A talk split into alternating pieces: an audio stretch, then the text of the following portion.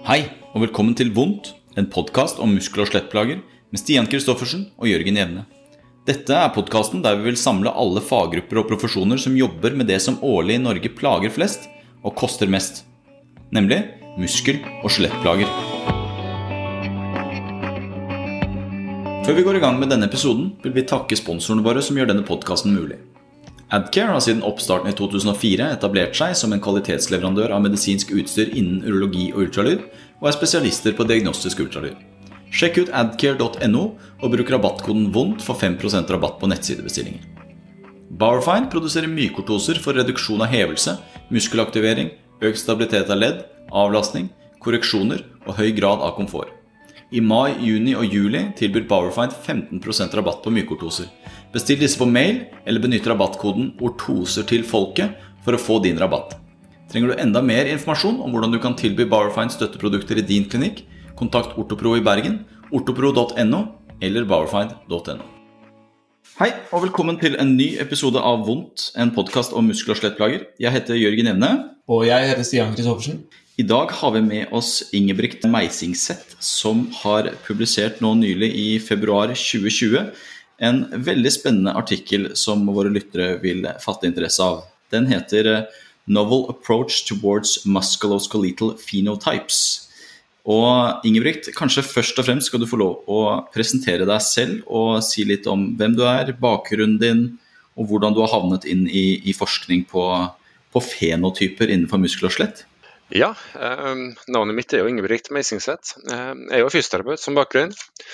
Ferdigutdanna i 2007.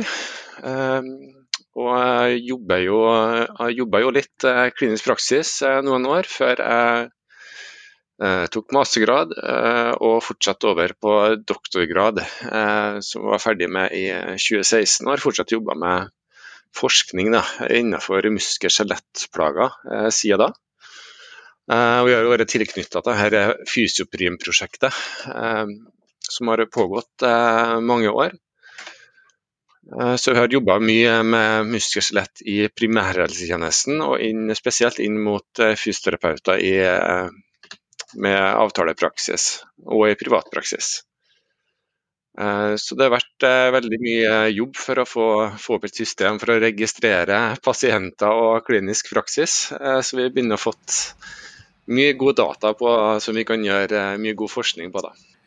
Eh, kanskje bare ta oss gjennom Fysioprim i første omgang. Hva, hva, hva det er eh, sånn for lyttere som ikke er kjent med det. Hva, hva, betyr det for oss eh, holdt på å si, ute i praksis?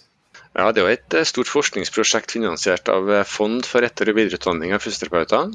Som er et samarbeidsprosjekt mellom Universitetet i Oslo og NTNU og Trondheim kommune. Uh, og jeg synes Det er litt spesielt at vi har med oss en kommune i et sånt forskningsprosjekt. Jeg tror det er veldig sånn spesielt med Fysioprim at vi har fått med um, ja, en kommune på det. Uh, og Det tror jeg er en veldig styrke. At vi har med som en slags partner inn i et forskningsprosjekt.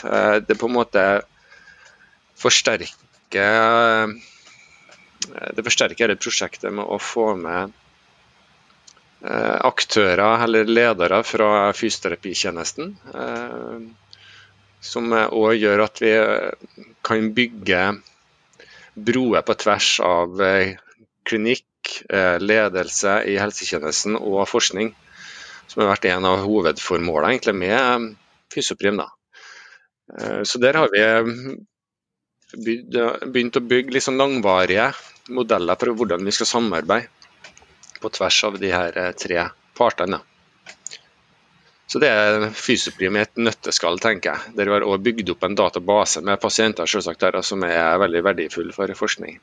Det, det, er bra. Det er jo det diskuterte jo Jørgen og jeg litt. Altså, jeg, har, jeg har jo hørt om Fysioprim, men jeg, jeg, kan ikke med hånd på hjertet si at jeg egentlig har visst hva det, hva det har vært, eller hva det er.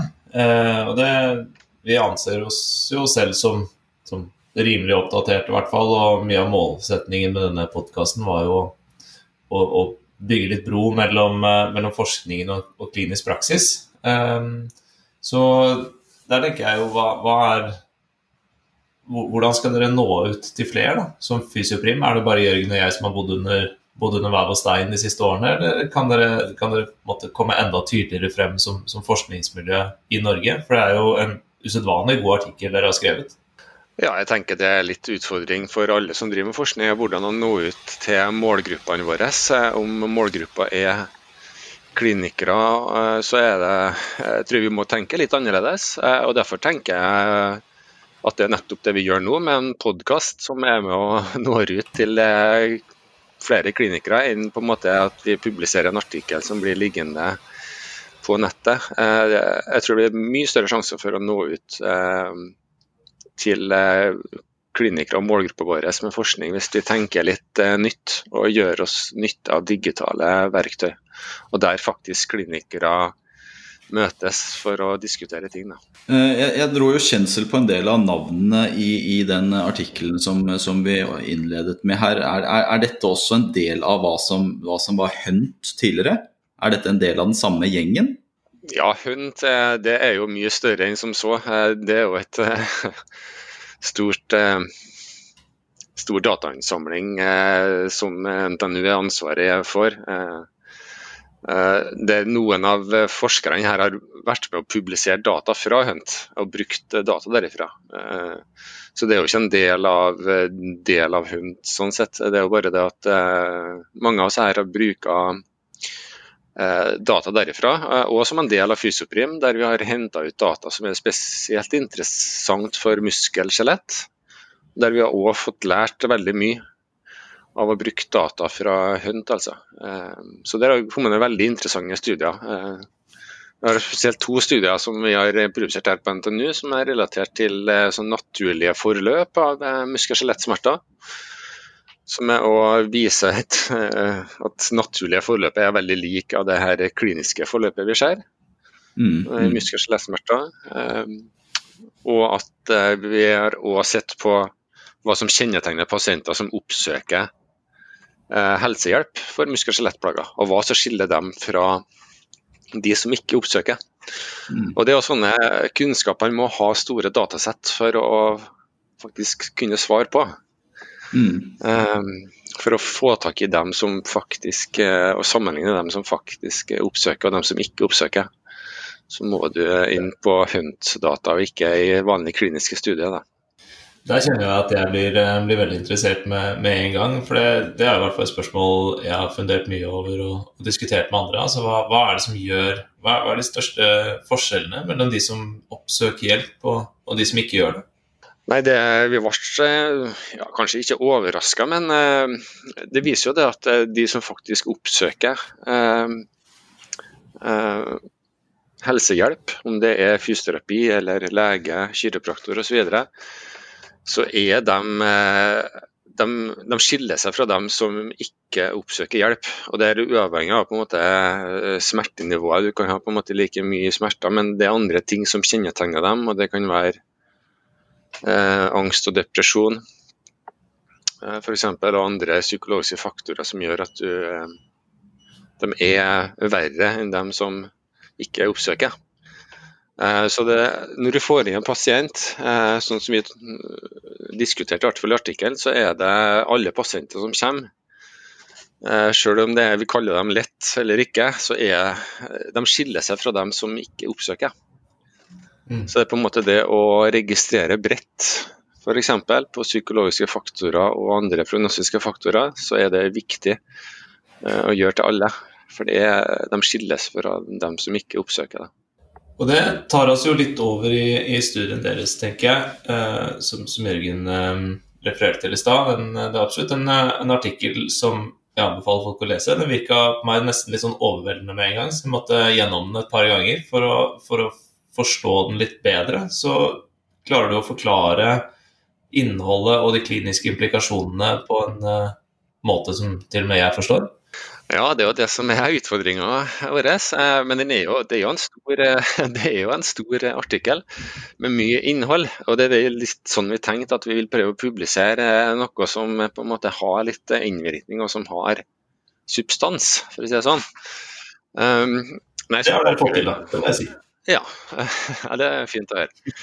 Um, nei, um, bakgrunnen her er jo at vi, vi, vil prøve å komme litt bort ifra det her eh, å se på diagnose eh, bort ifra det her eh, kroppssiloer som dere òg har diskutert i tidligere podkast, som var veldig på en måte sånn inn i muskel- og skjelettforskninga. Eh, og at vi skal se ned på pasienten og prøve å se om det finnes eh, subgrupper som kjennetegner pasienter uavhengig av hvor du har plagene dine. Eh, for Innenfor muskel og skjelett så er det jo mye Det har jo fryktelig mange RCT-studier som som ser på behandlingseffekter av ulike behandlinger. Og sånn, det er jo at eh, fleste studiene viser at det er liten til moderat effekt for eh, de behandlingene vi har. Men alle disse her er jo gjort på sånne one sites fits all-studier, der eh, du inkluderer en heterogen pasientgruppe, f.eks. korsryggpasienter, der alle får samme behandling, eh, som gir best effekt for gjennomsnittspasienten. Men vi vil på en måte prøve å å dele opp eh, her grupper med het, heterogene pasienter og prøve å finne subgrupper. Der formålet er å finne behandling som er tilpassa undergrupper, altså med like karakteristikker. Eh, og Vi ville jo se om vi kunne gruppere pasienter på prognostiske faktorer, altså faktorer som har betydning for hvordan det går med behandling. Ehm, i stedet for å gruppere på eh, diagnose. Eh, så Målet vårt var altså å finne om det hele tatt fantes subgrupper av pasienter med muskel-skjelettplager. Eh, og så vil jeg se hva som, hva som kjennetegner de subgruppene her, og hvordan det går med dem i løpet av et behandlingsforløp. Det var egentlig det store formålet med studien. da. Henger dere med? Dere fant, eh, dere fant supergrupper? Ja, det gjorde vi. Eh, måten vi gjør det her på eh, Det er jo noe som kalles for sånn latent class analysis. Eh, veldig kort fortalt så er det bare en sånn statistisk metode som prøver å finne mønster eh, på tvers av ulike faktorer. Og vi valgte jo å bruke prognostiske faktorer. Eh, og innenfor muskelskjelett så har vi eh, mange systematiske revyer som viser eh, sånn generiske, altså felles prognostiske faktorer på tvers av ulike pasientgrupper. Om du har nakkeplage, skulder eller rygg, så er det noen faktorer som går igjen hos alle, som sier noe om hvordan det går med deg. Så vi fant elleve faktorer som vi grupperte på som gikk på eh, både smerterelaterte, som var smerteintensitet, eh, antall smertesteder, eh, hvor ofte du hadde opplevd smertene, og hvor lenge du har hatt dem. Det var de fire smertevariablene vi hadde. Og så hadde vi noen som gikk på sånn tanker og oppfatninger, og det var forventninger. Forventninger om bedring. Og så var det self-efficacy, altså mestringstro. Så hadde vi noen psykologiske som gikk på mental eh, distress, eh, psykisk stress, og fear avoidance. Eh, I tillegg så hadde vi tre gikk på mer på deltakelse til livsstil, som var arbeidsevne, daglig aktivitetsnivå og søvn. Så det her var på en måte faktorer som dekker litt denne biopsykososiale modellen. og en sånn latent class analysis de prøver å finne og prøve å forklare variasjon på tvers av alle de variablene her. Eh, så du har ei stor eh, gruppe du inkluderer. Vi inkluderte 400, over 400 pasienter. Og en sånn analyse prøver å, finne, prøver å forklare den variasjonen best mulig på de variablene her. Kan ikke du si litt om, om hvilke pasienttyper dette var? Da har jo vi lest artikkelen, men for, for lytterne som ikke har hvem var pasientgruppen her? Ja, Pasientene her var altså eh, pasienter som oppsøkte fysioterapeut i eh, privat praksis, eller fysioterapeuter med avtalepraksis. Og de var fra 18 til 67 år. Eh, og pasientene her var Vi inkluderte pasienter som enten hadde nakke, skulder, rygg eller mer utbredte sammensatte plager. Og Det var sånn hovedgrupper som var gruppert av fysioterapeuten eh, etter første konsultasjon. Eh, så vi ikke basert på en sånn henvisningsdiagnose, og sånn, men det var helt opp til fysioterapeuten sin vurdering av hva var hovedproblemet.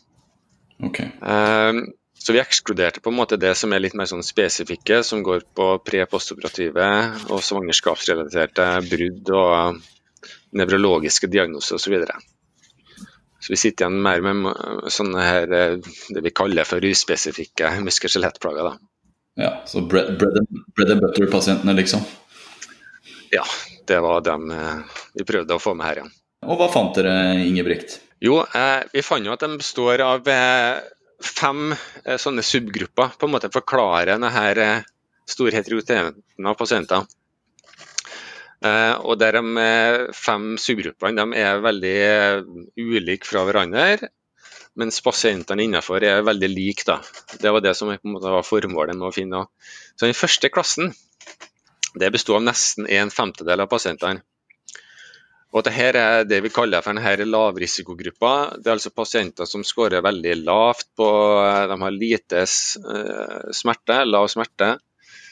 Eh, de har veldig lokaliserte smerter, ikke mange smertesteder. De har eh, gode forventninger.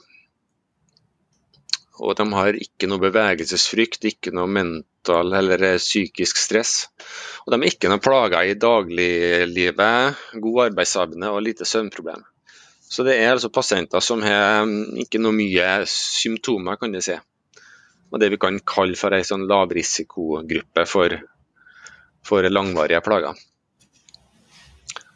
Så det var altså siden nesten en femtedel av pasientene. Og denne subgruppe to, eh, da var det, ei, det var ca. en tredjedel av pasientene. Og Det var en eh, gruppe som skåra litt høyere på mange av variablene, men det er fortsatt eh, en gruppe som er ganske sånn lavrisiko, hvis vi kan si det. Eh, de har litt høyere smerte, de har litt flere smertesteder. Men de har fortsatt eh, lite bevegelses- eller fuel avoidance og psykisk stress. Det er lite plager i dagliglivet. Fortsatt god arbeidsevne og lite søvnproblem. Så de er litt sånn mer plaga av denne, denne uh, subgruppe 1, men det er fortsatt en sånn lavrisikogruppe, vi kan si. Eh, vi snakker om lavrisiko. Hvis du skal, nå er det jo mange av, av fysioterapeuter og andre klinikere i Norge som, som, har sikkert fått med seg dette med startback eh, screening questionnaire og, og, og Ørebro f.eks. Disse, disse mer sånne godt kjente er, er, det, er, det, er det grupper vi vil kjenne igjen innenfor den forskningen, eller har dere brukt andre verktøy for å, å vurdere dette med, med, at en pasient er lavrisiko osv.? Ja, vi har sammenligna det her, eh, f.eks. Eh, skåringene i Ørebro har vi sammenligna i seg gruppene her. Så det var noe vi gjorde også i artikkelen, å se hvordan det her har sammenheng med en sånn Ørebro-skåre f.eks. Mm -hmm. Så når jeg sier lavrisiko sånn, så gjenspeiler seg det òg på sånn Ørebro-screening. da, gjør det. Mm. Så de har òg lave score på Ørebro, har de. Mm, mm. Eh, så det var på en måte en sånn validering, kan du si. At vi ser at vi, vi måler litt det samme som eh, andre skjema gjør. det. Mm, mm.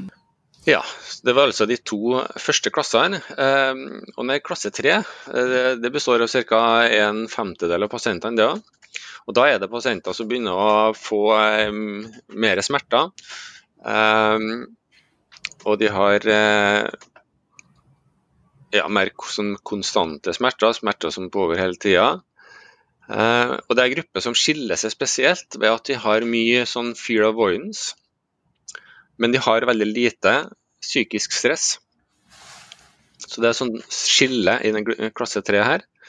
Eh, og de har òg dårligere arbeidsevne. De er mer plagelig daglig aktivitetsnivå og de har mer søvnproblem enn i klasse 1 og 2 her. Så det var altså spesielt denne fear avoidance, eh, at de har mye fear avoidance som skiller klasse 3 her fra de to andre. Og Så var det i klasse 4, som eh, er også nesten en femtedel av pasientene. eh, som er ganske lik denne klasse 3. Men den skiller seg spesielt ved at den har eh, veldig lite eh, fear avoidance, men den har mye sånn mental distress, psykisk distress. Det er på en måte store forskjeller mellom 3 og 4 på denne mental distress og fear avoidance, at de på en måte scorer litt sånn motsatt på det her. Mm -hmm. Og den klasse 4 har òg mye smerteste, altså utbredte plager. Så den eh, klassen her består jo både av eh, nakke, skulder, rygg, eh, men de har altså plager mange andre steder i kroppen. Det var altså de fire første. Uh, og Den siste klassen, den minste klassen, det besto av 11, 11 av pasientene. Men den skiller seg veldig tydelig fra alle de andre ved at det er de dårligste pasientene, eller de verste pasientene, kan de si, basert på at de scorer veldig høyt på alle variabler. De har mest høyest smerteintensitet. De er smerter på mange steder i kroppen. Har hatt plagene veldig lenge. De har eh, dårlige forventninger. De har lav self-efficacy. Eh, mye beveg eller fear of avoidance og uh, mental distress. Eh, og de har mye søvnproblem, dårlig arbeidsevne og, da, og dårlig, veldig nedsatt daglig aktivitetsnivå. Så det er en gruppe som skiller seg veldig tydelig ut, kan de si. Jeg har jo egentlig tre spørsmål som jeg har notert meg så får vi ta det, det på en måte mest overordna først. Eh, og det, det, går egentlig på behandlingsveier. altså Hvis vi først har klart å, å stratifisere ned i, i, disse fenotypene, så på en måte ser dere noen, noen veier altså, Hvordan skiller behandlingsveiene seg fra hverandre, avhengig av om pasienten havner i gruppe 1, 2, 3, 4? Ja, det er jo det som egentlig er neste steg eh, når du har gjort en sånn eh, forskningsstudie. Eh, det at du finner eh, på en måte klasser av pasienter, grupper som skiller seg veldig fra hverandre, eh, som har noen spesielle karakteristikker eh, basert på prognostiske faktorer. Men så er det igjen sånn at mange av disse faktorene her er jo sånn modifiserbare, som gjør at en kliniker på en måte kan inn og uh, ja, og um, målrette behandlinga inn mot ulike faktorer her. Um, og det, vi tenker jo at denne Klasse 1 og 2 er jo det vi kaller litt for sånn lavrisiko. At det er denne, det er pasienter som eh, kanskje ikke bør ha altfor mye behandling, men eh, ha råd og veiledning, betrygging eh, og ja, og denne egenmestringa tror jeg er veldig viktig her, altså. Mm. Her er nok eh, det, Kanskje jeg liker denne lavrisikogruppa i Startback f.eks. Der vi må prøve å unngå overbehandling, rett og slett. Ja, hvor det nesten er en risiko, risikofaktor for dårligere prognose hvis vi behandler for mye? Det er absolutt det er det, og mye forskning som viser at vi er, kanskje det vi gjør vondt verre ved å behandle mye. Eh, jeg tenker jo også Det tar oss litt over på fenotyp 3 og, og 4. Som du sier, det er, noen, det er noen motsetninger der hvor, hvor, denne type 3 i utgangspunktet karakteriseres mer av en type fair avoidance med en lavere, lavere score på mental stress, mens uh, type 4 er høyere på mental stress, men egentlig lavere på, på avoidance-atferd. Uh, det har vært diskutert uh, litt tidligere dette forskjellen med avoidance versus enduring når det kommer til smerte. Eh, kan man se igjen det i de to gruppene? For det vil jo kreve litt ulik tilnærming i behandling, da, hvor den ene kanskje må eksponeres og den andre må bremses. Ja, eh, vi har jo diskutert det kort, veldig kort i artikkelen.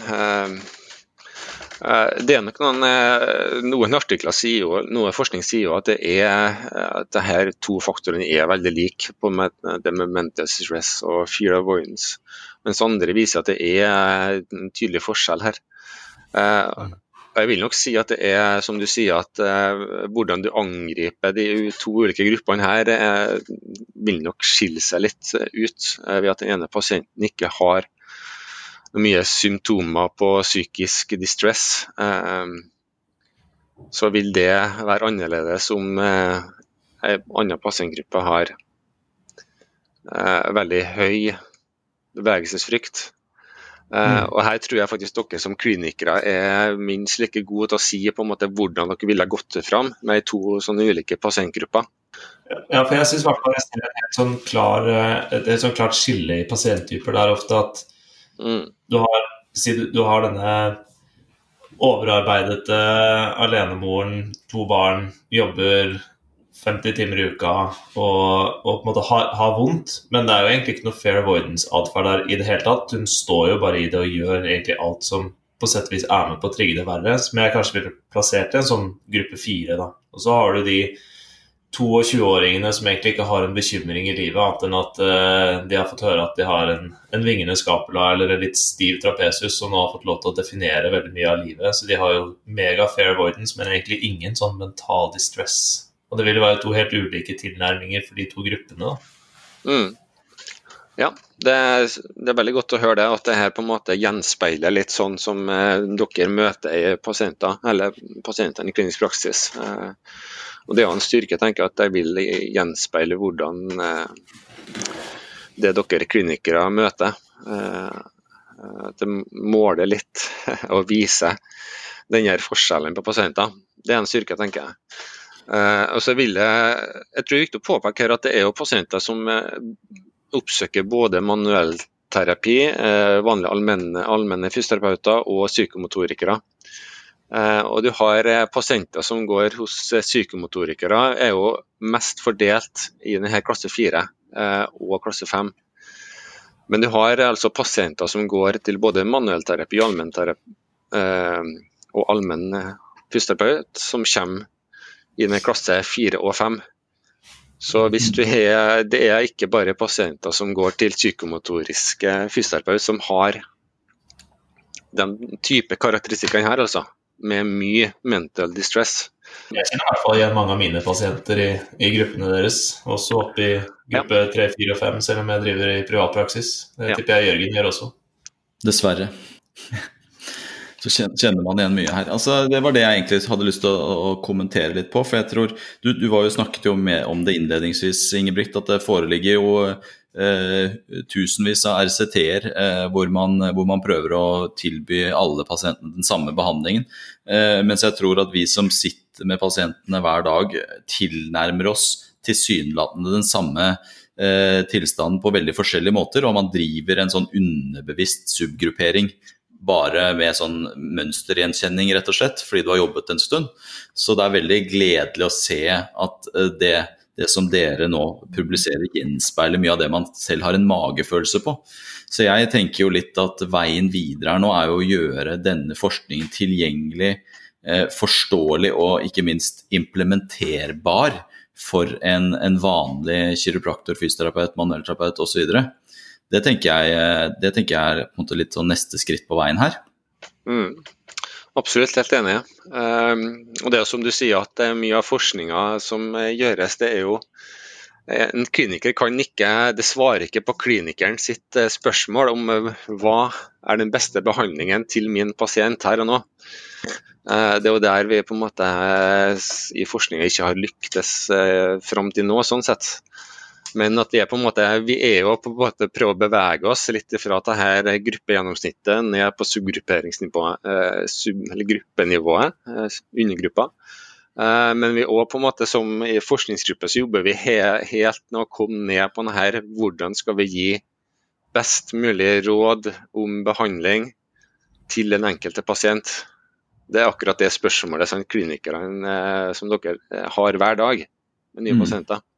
Mm. Og Det er der vi på en måte må prøve å komme med forskninga, tenker jeg. Eh, Skal det bli veldig klinisk relevant, så må vi ned dit. Eh, Jeg tenker å følge deg litt opp på, på dette her. Eh, Jeg og Stian kjenner jo Kjartan Vibe Fersum godt, og jeg har jo vært på en del foredrag med han opp gjennom årene. Jeg kjenner jo igjen noen av disse modellene som du publiserer i artikkelen fra noen av de siste foredragene jeg har sett med han.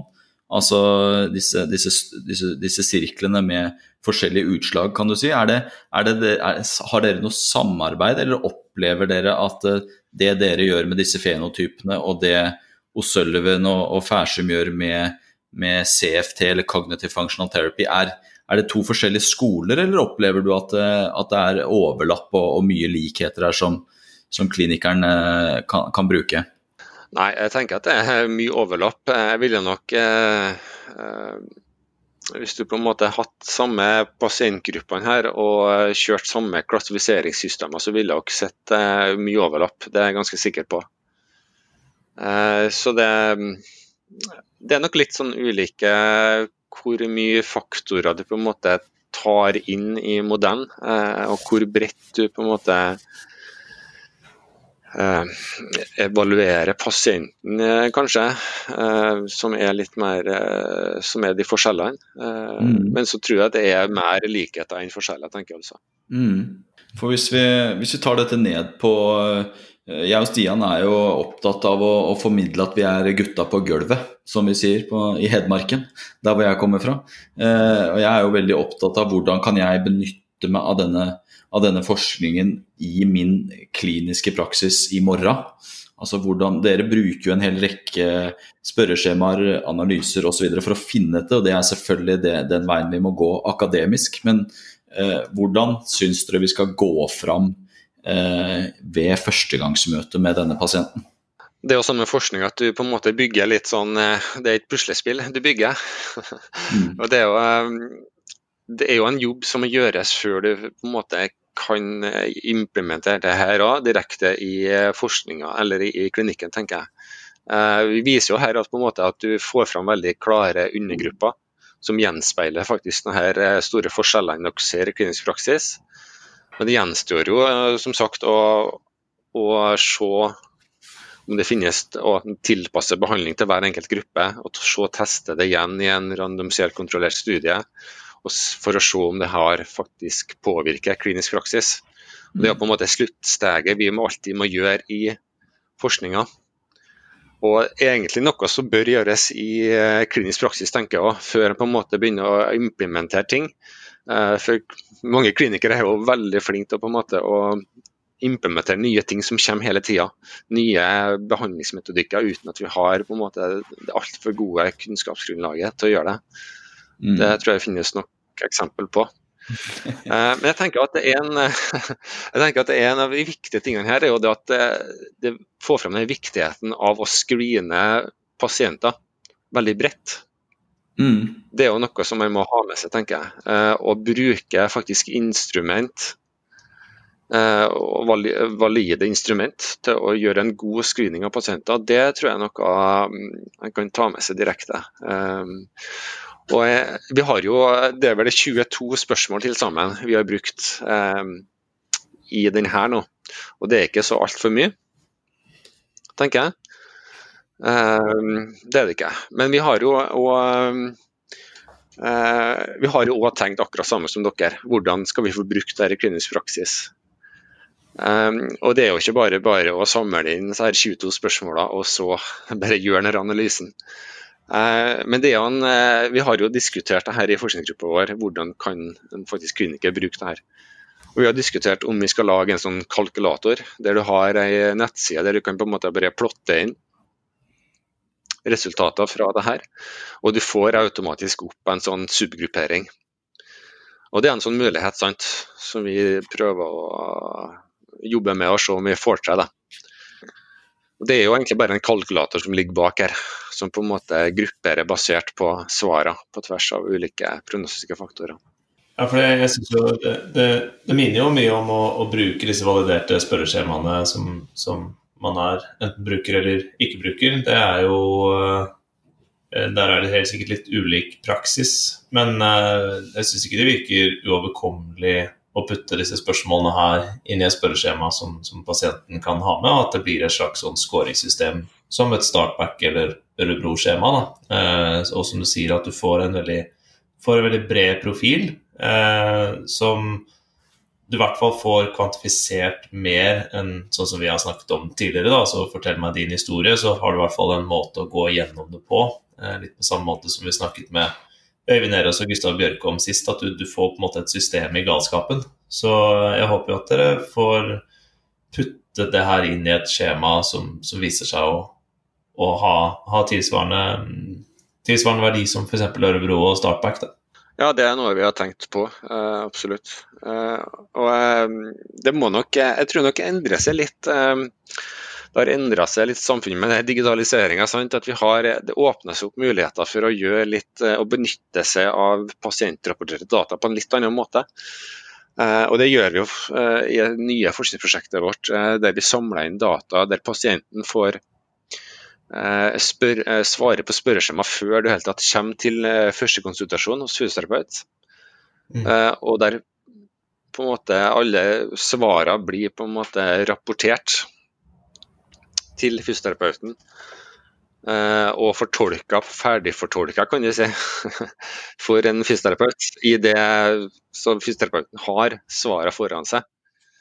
Så det er jo, jeg tenker at det er mange muligheter og tenke litt nytt der, altså hvordan du samler inn eh, data. Og at det ikke er nødvendig at pasienten sitter og fyller inn i lag med og bruker tida hos fysioterapeuten f.eks. Uh, så det er mange, mange, muligheter, tenker jeg.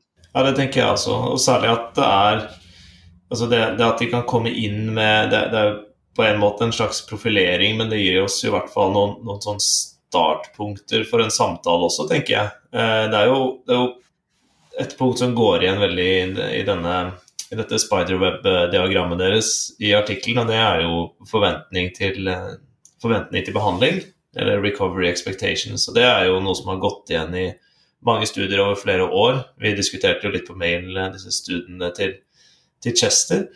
Og det, jeg tenker bare, bare, bevisstheten om at det er en faktor som åpenbart betyr så mye, gir oss jo et, et angrepspunkt da, på hvor vi skal legge fokus i behandling. Eh, så, så, det trenger jo ikke være mer komplisert enn det, tenker jeg, enn å, enn å skape en bevissthet rundt det og en samtalestarter rundt de punktene som man ser skiller seg ut. Ja, det tenker jeg òg. Eh, at det er en veldig fin eh, start å ha en sånn oversikt over pasienten, tenker jeg. Der du kan på en måte gå inn på hvert enkelt punkt og ja, Det er jo mange punkt du får screena på én gang, og du får sett både sammenhengene på, på, tvers av ulike, ulike, faktorer, som er en sånn inngangsport til samtale med pasienten. Nå gikk du jo fint gjennom alle disse subgruppene. Jeg sitter jo her, på tross av at jeg har lest artikkelen, med litt nysgjerrighet på, på, på hvordan gikk det med disse fem pasientkategoriene. Du har jo fortalt at pasientkategori 5 var 11% av pasientene. Dette er nok de vi alle kjenner igjen, og de, de, de, de dårligste pasientene, de vi sliter mest med. Eh, men, men, disse fire andre gruppene, altså hvordan gikk det med, med henholdsvis eh, gruppe 1 og 2, som kanskje da er mer lavrisiko, og 3 og 4 som vi vet ikke skal kalle medium risiko eller lavrisiko pluss, jeg vet ikke. Men, eh, men hvordan, hvordan, gikk det i realiteten med, med disse pasientgruppene? Ja, eh, vi fulgte dem opp etter, etter tre måneder. Det var det vi brukte i hvert fall i artikkelen for å se hvordan det gikk. Så har vi jo selvsagt data for både seks og tolv måneder som ikke er publisert i artikkelen her. Men det er Vi målte jo ved hjelp av Vi så på livskvaliteten, og vi så på funksjon. Sånn her funksjon målte vi ved hjelp av denne pasientspesifikke funksjonsskalaen. Eh, og Hvis du ser på denne eh, funksjonen, så ser du at det er denne klasse 1 og 2 eh, som var på en måte kall det litt sånn lavrisiko. Det er dem som har klart best funksjoner ved tre måneder. mens de tre og fire de er ganske like. De har mye dårligere funksjon enn denne klasse 1 og 2. og så har du denne pasienten i klasse 5 som er dårligste, som har veldig dårlig funksjon òg ved tre måneder. Og Litt samme mønsteret er det når du ser på livskvalitet. Da. Eh, det at du har en klasse 1 og 2 som har, eh, de har best, det går best med dem. Og Så har du klasse 3 og 4 som er ganske like, som er litt dårligere igjen av 1 og 2, og 5 som er på en måte skiller seg veldig ut på denne med livskvalitet. De er klart eh, dårligst. Du, dere beskriver det litt, litt tidligere i artikkelen også, at denne, denne gruppe 5, da, som åpenbart har det verst, og som, som også gjør det dårligst, tre måneder er kanskje for kort tid til å se de store endringene på noe såpass stort, men vi kan vel anta at, at endringen holder seg også over tid. Men det er jo også en gruppe med, med vesentlig lavere sosioøkonomisk status. hvis vi skulle følge resonnementet deres. Altså at desto høyere fenotype, desto større assosiasjon med f.eks. overvekt og lavere, lavere utdannelse. Så, så, kanskje understreke litt hvor, hvor, vanskelig denne pasientgruppen er. da. Altså, Sapolsky har liksom sagt det at hvis du er uheldig nok til å bli født inn i feil familie, så er liksom livsløpet ditt ganske satt på alle måter. Og det virker jo litt sånn ut fra deres modell òg. Ja, det er nok flere ting her. Ehm, det var jo lagt inn eh, Vi på en måte prøvde å kontrollere litt for sånn eh, sosioøkonomi. Både at vi har eh, utdanning og ja, BMI og alder og kjønn eh, har vi lagt inn på en måte og prøvd å ta hensyn til. Men de ser jo som du sier at det, er, det med utdanninga, det går jo igjen at det er færre med høyere utdanning i klasse 5 f.eks. enn i klasse 1. Der er det stor forskjell. Mm. Eh, samme på BMI, og så er det en uh, forskjell her òg. Eh, så um, det er sant som du sier der, altså. Og der, der, kan man vel også tenke at nesten uansett hva slags behandling man tilbyr, eh, og, og, behandlingsvei, strategi, så, så, vil vel fordelingen på både funksjon og livskvalitet kanskje se litt sånn ut, sånn som, sånn som dere har fremstilt den her også. At det er jo det er synkende, synkende, funksjonsgrad med økende fenotyp osv. Og, så og at eh, målet må kanskje være fall øke hver enkelt, hver enkelt kolonne litt. Grann, da. Så, så vil vel forskjellene uansett være der nesten uavhengig av hva slags behandling vi tilbyr. Ja, det, det høres et godt resonnement ut, tenker jeg. Um, det var jo litt interessant at uh, de her subgruppene uh, de, de, ulike pasientgruppene her, om du har nakke, skulder, rygg, så på en måte fordelte de seg veldig likt i de ulike subgruppene. Uh, og Det viser jo bare at vi kan på en måte vi kan gruppere på tvers av hvor du har vondt hen. For det er på en måte de, igjen, de er ganske like. Pasientkarakteristikkene er ganske like innenfor ulike pasientgrupper. Da. Nå var jo ikke dette en, en RCT, selvfølgelig, men eh, du var jo innledningsvis og snakket en del om dette med naturlig historie. Og, og det er jo noe dere kan mye om fra den forskningen dere har gjort i, i, i bl.a. i Trondheim. Eh, hvis man skulle sett, nå sier Tre måneder er selvfølgelig veldig kort å følge opp pasientene på, men ser ingen vesentlig endring. Tror du det er noe som gjenspeiler litt det, den, den der maktesløsheten man kanskje føler litt ute i praksis noen ganger? At eh, du, du gjør tiltak, men det ser ikke ut som det, eh, det fører helt fram. og gjør, altså, Forskjellige tiltak funker forskjellig på hver enkelt pasient osv.? Ja, um, det er nok um, Jeg tenker at det her er det her er klasse 5-pasienter som er veldig tunge, og det, du ser litt endringer. Så er jo det en gruppe som veldig tydelig viser at vi trenger kanskje flere yrkesgrupper inn eh, med tverrfaglig behandling, tenker jeg. Mm. Eh, spesielt på denne gruppa her. Eh, for det er Her trenger vi mange flere inn for å hjelpe denne type. Om det er både på det med arbeid, mer på psykolog, fra psykologiske side, eh, så trenger vi eh, litt bredere behandling. I hvert fall på denne gruppa her, tenker jeg. Eh, men, men, gruppe tre og fire der også sier du vel i stor grad forblir uendret gjennom disse tre månedene. Det er vel, altså Jeg tolker deg riktig da at det er på, på, tross av behandling, så er de forholdsvis uendret gjennom de, den oppfølgingsperioden? Jo da, de har jo endring. Eh, det tror jeg er viktig å si. at De, har, eh, de forbedrer seg, altså. Eh, det gjør det. Ja. Ja. Det er klasse 3 og 4 her. Det ja. gjør det.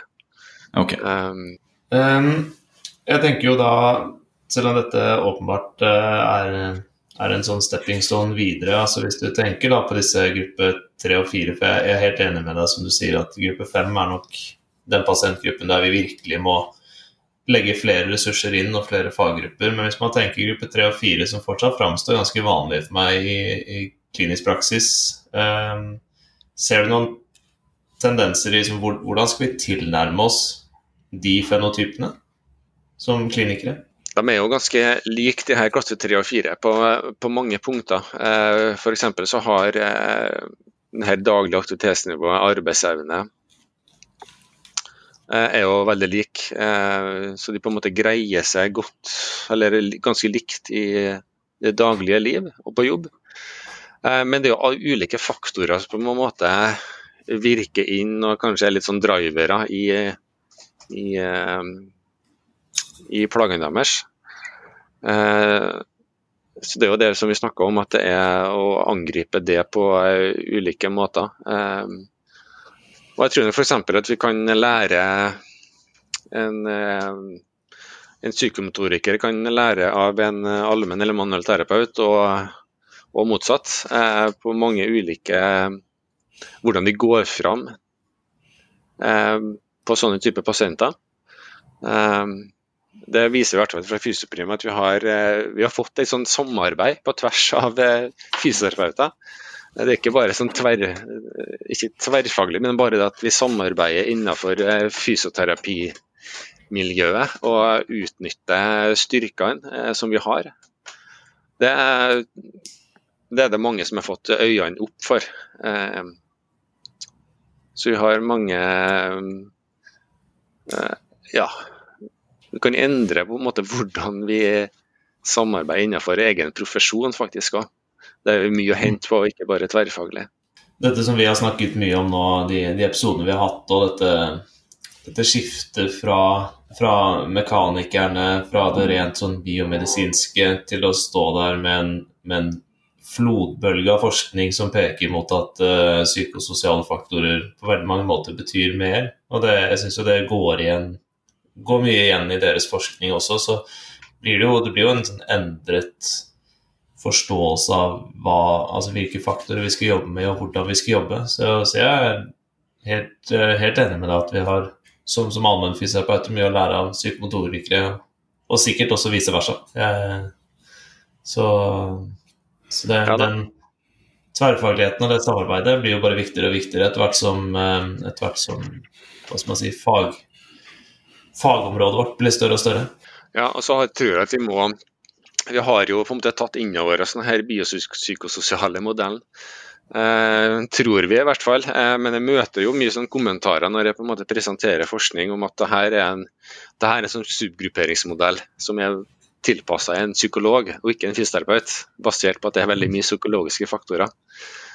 Eh, og Det tror jeg ikke henger litt igjen det her på en måte at vi greit vi sier at vi behandler vi har gått bort fra den biomedisinske og over til den biopsykososiale modellen, men jeg tror vi fortsatt har litt, litt vei å gå før vi på en måte får integrert denne tankegangen skikkelig i det vi gjør. Uh, og det tror jeg finnes mange terapeuter er kjempeflinke på dette her. Uh, og det tror jeg uh, Men så er det et stort forbedringspotensial ennå for å faktisk integrere det godt. Og det å faktisk se det at du trenger ikke å være psykolog for å adressere veldig mye av det her. Du kan f.eks. bruke øvelsesterapi for å adressere mange av de faktorene her, om det mm. går på fear of avoidance både på forventninger og self-efficacy, så kan du bruke i den verktøykassen du har, med noen enkle råd og veiledning i tillegg, så uh, kan du adressere veldig mye, tenker jeg. Ja, det er jo det er morsomt at du sier det når du presenterer din forskning, at sånn, ja, men dette, dette, er, jo ikke, dette er ikke våre pasienter som fysioterapi, eh, som, som, klinikere, da. Eh, og det, det er, jeg har også fått, eh, fått de kommentarene sånn Å ja, men men du har kanskje pasienter som har, som har på en måte overvekt av, av psykiske, psykiske, og psykososiale problemer. Og så kan man spørre tilbake sånn, ja, Har du pasienter utelukkende med biologiske problemer, da? Eller hvor, hvor er vi? Altså, vi? vi? jobber jo tross alt med mennesker, så jeg tror man bare må begynne å akseptere at dette er sånn bildet ser ut på tvers av alle de vanligste muskel- og skjelettplagene, og dermed høyst sannsynlig også de ikke fullt så vanlige muskel- og skjelettplagene. Det var vel som Gustav Bjørke sa tidligere, at uh, det var mye enklere, pasientene var mye enklere før i tida. det, er jo, det, er jo, et herlig, herlig sitat av en som har jobbet siden 80-tallet, eller hva det var han sa. at var før, før, i tida var det mye tydeligere sjargong på at uh, da, da, da, kom de inn, og så ble de fikset, og så var ferdig med den saken. Dette, dette, kan vi. Mens i dag er det liksom mye det er mye mer gråsoner og mye, mye færre helt sånn klare sort-hvitt-svar. Eh, men jeg tenker meg eh, egentlig bitte litt videre sånn med tanke på det du har snakket om nå, Ingebrigt, så har vi fått et godt innblikk i, i måte tankene deres fra Fysioprim. Hva, hva, hva, er det neste naturlige steget nå for dere? Ja, vi har jo eh, planlagt eh, nye prosjekter basert på Fysioprim. Eh, så det går på en måte å videreutvikle dette her eh, eh, fra denne subgrupperingsnivået og ned, helt ned til å gi råd til klinikere på enkelte pasienten. Mm. Og Det er jo igjen basert på at vi bruker pasientrapporterte data for å lære hvordan det har gått med dem, og hvilken behandling de har fått, og bruke den kunnskapen systematisk for å gi råd til nye pasienter. For ute i klinikken der så finnes det suksesshistorier der dere som klinikere har lyktes veldig godt. Og Hvis vi kan på en måte prøve å lære av det og systematisere den kunnskapen her på tvers av mange klinikere, ikke bare den kompetansen du sitter med det som enkeltkliniker, men at du som kliniker kan lære av andre klinikere og kollegaer, eh, så tror jeg vi kan bruke den mer direkte på enkeltpasienten, den kunnskapen. Mm. Uh, og Det er jo der vi jobber nå med å utvikle et beslutningsstøttesystem for fysioterapeuter. Mm. Og Dette er jo egentlig et forskningsprosjekt eh, som er direkte anvendelig for eh, på klinikk, tenker jeg. Mm. Mm. så det er på en måte vår hverdag nå, som vi jobber med. da. Uh, og Det er jo et sånn beslutningsstøttesystem. Vi uh, baserer oss på å bruke av kunstig intelligens for å lære litt om For å finne de her pasientene og sammenhengene mellom hvordan det har gått med dem, og hva som kjennetegner dem, og gi den kunnskapen videre til nye pasienter. Hvordan, hvordan, opplever du at uh, klinikerne rundt omkring i, Da går jeg ut ifra at dere er primært i Trondheimsregionen. Da. Uh, hvordan opplever dere at klinikerne der imøteser dette her sånn i forhold til beslutningsstøtte og en, en potensielt ganske dramatisk endring i praksis, da, for, for, hvert fall for noen? Er Det, møter dere mye motstand, eller er det, er, er det, er det god stemning når man prøver å implementere dette? Jeg er veldig positivt, eh, jeg er veldig positivt overraska over at er, de er, klinikere er veldig positive til det her. De ser at det her kan eh, er veldig klinisk relevant. At de får noe de får faktisk bruker. Ikke bare at de på en måte gir data til en forsker som publiserer noe data, men at de får, kan faktisk det her er noe vi kan få bruke i klinikken. Uh, og Det er jo det som er litt av formålet med dette, tenker jeg. Veldig bra. Og vi, vi, ser jo vi ser absolutt fram mot eh, liksom, eh, det neste validated physiopreme uh, question, questionnaire, som, som, sikkert må komme i løpet av de neste, neste årene. vi syns jo først og fremst det var veldig hyggelig at, vi fikk, at du tipset oss om artikkelen deres og, og, gjorde oss mer oppmerksom på, på, miljøet deres i Trondheim, og at du tok deg tid til å, til å fortelle litt mer.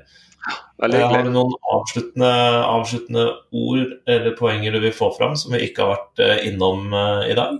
Nei, Jeg vil bare takke for muligheten til å prøve å formidle litt av forskninga. Så jeg håper at vi, kan få, vi som forskere òg kan knytte enda tettere sånn, ja, samarbeid med dere som er med og formidler både kunnskap og til en gjengse kliniker. Jeg tror vi må ikke være redd som forskere og delta på litt sånn både podkaster og for å komme ut. Eh, både for å diskutere resultat, men òg ideer, tenker jeg, for eh, forskning. Det tenker jeg er viktig. Ja, Vi syns i hvert fall dette er veldig, veldig morsomt. For det er jo alltid sånn når du leser en artikkel, så sitter du igjen med en hel haug med spørsmål, og det er masse, masse gråsoner der. Så det å få muligheten til å diskutere det med de som faktisk har virkelig dypdykket ned, det er, er fint. Og så er det jo gøy å se at dere har så, så fokus på hva som er og som gir litt praktiske implikasjoner, da, og hva vi som klinikere kjenner igjen. At sånn, ok, mm. dette, dette, kjenner vi oss igjen i, dette kan vi bruke. Så det er all, all ære til dere der oppe, Ingebrigt. Mm. Ja, men hyggelig. Yes. Nei, men Da sier vi tusen takk til Ingebrigt eh, Meisingseth for en eh, veldig interessant og fin eh, samtale her på podkasten i dag. Vi runder av der og ønsker, ønsker velkommen igjen til nye episoder senere. Det er ganske mange spennende intervjuer linet opp her nå. Så tusen takk til deg, Ingebrigt, og på gjensyn lytterne der ute.